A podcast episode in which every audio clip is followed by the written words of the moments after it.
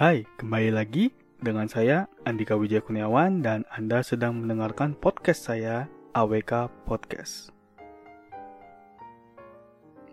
Kalau berbicara tentang pandemi COVID-19 atau corona, tentu bukan hanya tentang sosial dan kemanusiaan, benar? Ada juga pembahasan tentang keuangan dan tentunya bisnis. Hampir setiap hari saya menerima panggilan Skype Messenger, WhatsApp Messenger, gitu, Telegram Messenger untuk mendengarkan melayani pemilik bisnis yang terkena dampak dari pandemi. Dan terakhir, baru saya memberikan solusi. Pada podcast kali ini, saya tidak ingin berlarut-larut membawa Anda dalam masalah pandemi ini, melainkan sebagai coach Anda, saya ingin mengajak Anda untuk maju selangkah dari mereka yang masih berputar-putar di dalam pandemi COVID-19 ini. Saya ingin membagikan kepada Anda empat bidang bisnis yang akan booming setelah COVID-19 atau Corona selesai. Jadi, saya harap Anda simak baik-baik dan bila perlu Anda catat di kertas. Oke, sudah siap? Bidang bisnis yang pertama adalah kebutuhan pokok. Saya sangat yakin sekali dengan adanya pandemi COVID-19 ini, sandang, pangan, dan papan semakin dicari dan semakin dibutuhkan. Makanya tidak heran banyak yang beli makanan itu untuk di, disimpan. Terus setelah COVID-19 berakhir, apa yang dilakukan orang-orang? Jenuh. Yang berarti, bisnis di bidang kebutuhan pokok khususnya, makanan akan menjadi hal pertama yang dicari. Oleh karena itu jangan heran kalau setelah COVID, food court, kafe-kafe, tempat ngopi, dan lainnya bisa digunakan untuk hangout dan rame. Kemudian kebutuhan akan fashion akan menjadi salah satu yang perlu diperhatikan karena kemungkinan faktor X yang membuat fashion menjadi sebuah kebutuhan. Bisa aja karena jenuh di rumah, karena bajunya begitu-begitu aja, tidak pernah ketemu dengan teman-teman, mau tidak mau pada saat hangout, mereka akan belanja, atau mungkin Anda juga akan belanja.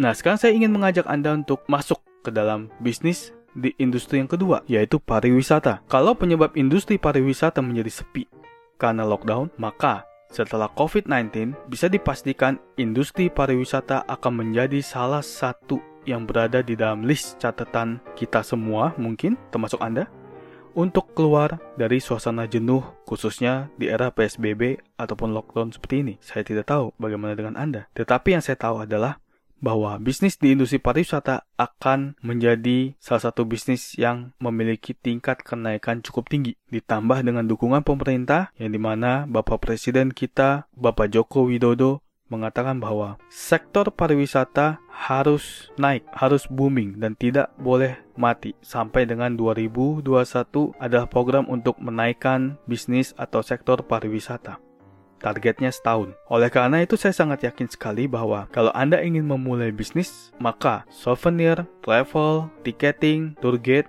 akan menjadi salah satu bisnis yang cukup menjanjikan setelah COVID-19 ini berakhir. Sekarang saya ingin mengajak Anda untuk masuk ke bisnis di industri yang ketiga yaitu digital. Saya sangat bersyukur sekali dengan adanya COVID-19 sebenarnya. Sehingga negara Indonesia menjadi negara yang tidak tertinggal untuk industri digital karena negara kita sudah sangat jauh sekali tertinggal untuk industri digitalnya. Dengan adanya COVID ini malah kita bisa kejar-kejaran dengan negara lain dan bahkan hampir sejajar dengan negara lain untuk permasalahan industri digital. Kalau sebelumnya saat kita memasuki industri 4.0 yang di mana masyarakat Indonesia masih setengah-setengah masuk ke industri digitalnya, maka dengan adanya pandemi COVID-19 ini membuat hampir semua orang memanfaatkan internet untuk berkomunikasi, belanja kebutuhan, berbisnis, dan lain-lainnya. Karena itu, industri digital yang akan booming setelah COVID-19 akan mengarah kepada empat segmen yaitu entertainment, e-commerce, payment, dan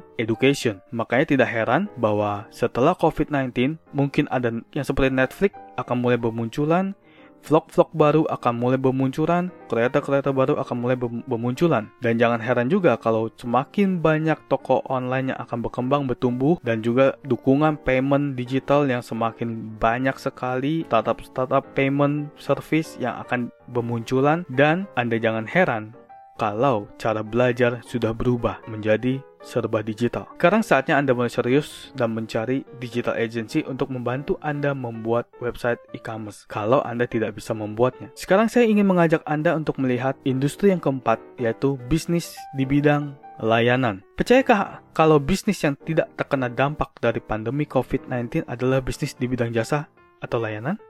Anda percaya itu? Saya sangat percaya sekali, ya. Karena kenapa? Service, jasa, atau layanan kita katakan tidak bisa diukur dengan nominal. Oleh karena itu, layanan tidak pernah kena dampak pandemi. Apalagi setelah COVID-19 ini, bisnis di industri layanan akan dicari oleh banyak orang dalam bidang satu virtual office, kedua co-working space. Nah, karena sudah terbiasa kita menjalankan bisnis dari rumah, maka kantor atau ruko atau gedung perkantoran bukan lagi menjadi sebuah hal yang harus diutamakan dalam bisnis. Maka alternatifnya adalah orang akan mencari VO atau virtual office dan co-working space. Kemudian layanan digital agency yang akan semakin dicari karena kesadaran akan era sekarang membutuhkan website dan digital marketing. Maka kalau Anda memiliki skill IT dan digital marketing, siap-siap Anda akan dicari oleh banyak sekali orang-orang yang membutuhkan jasa Anda. Nah, berikutnya adalah jasa layanan antar. Contohnya seperti GoSend, GrabSend, antar aja si cepat, JNE, dan lain-lainnya akan semakin bermunculan dan ramai sekali persaingannya. Kenapa?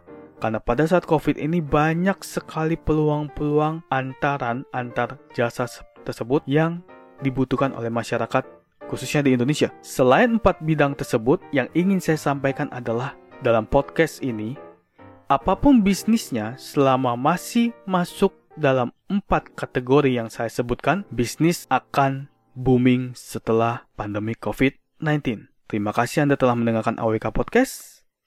Kita ketemu di podcast berikutnya masih bersama saya, Andika Wijaya Kurniawan.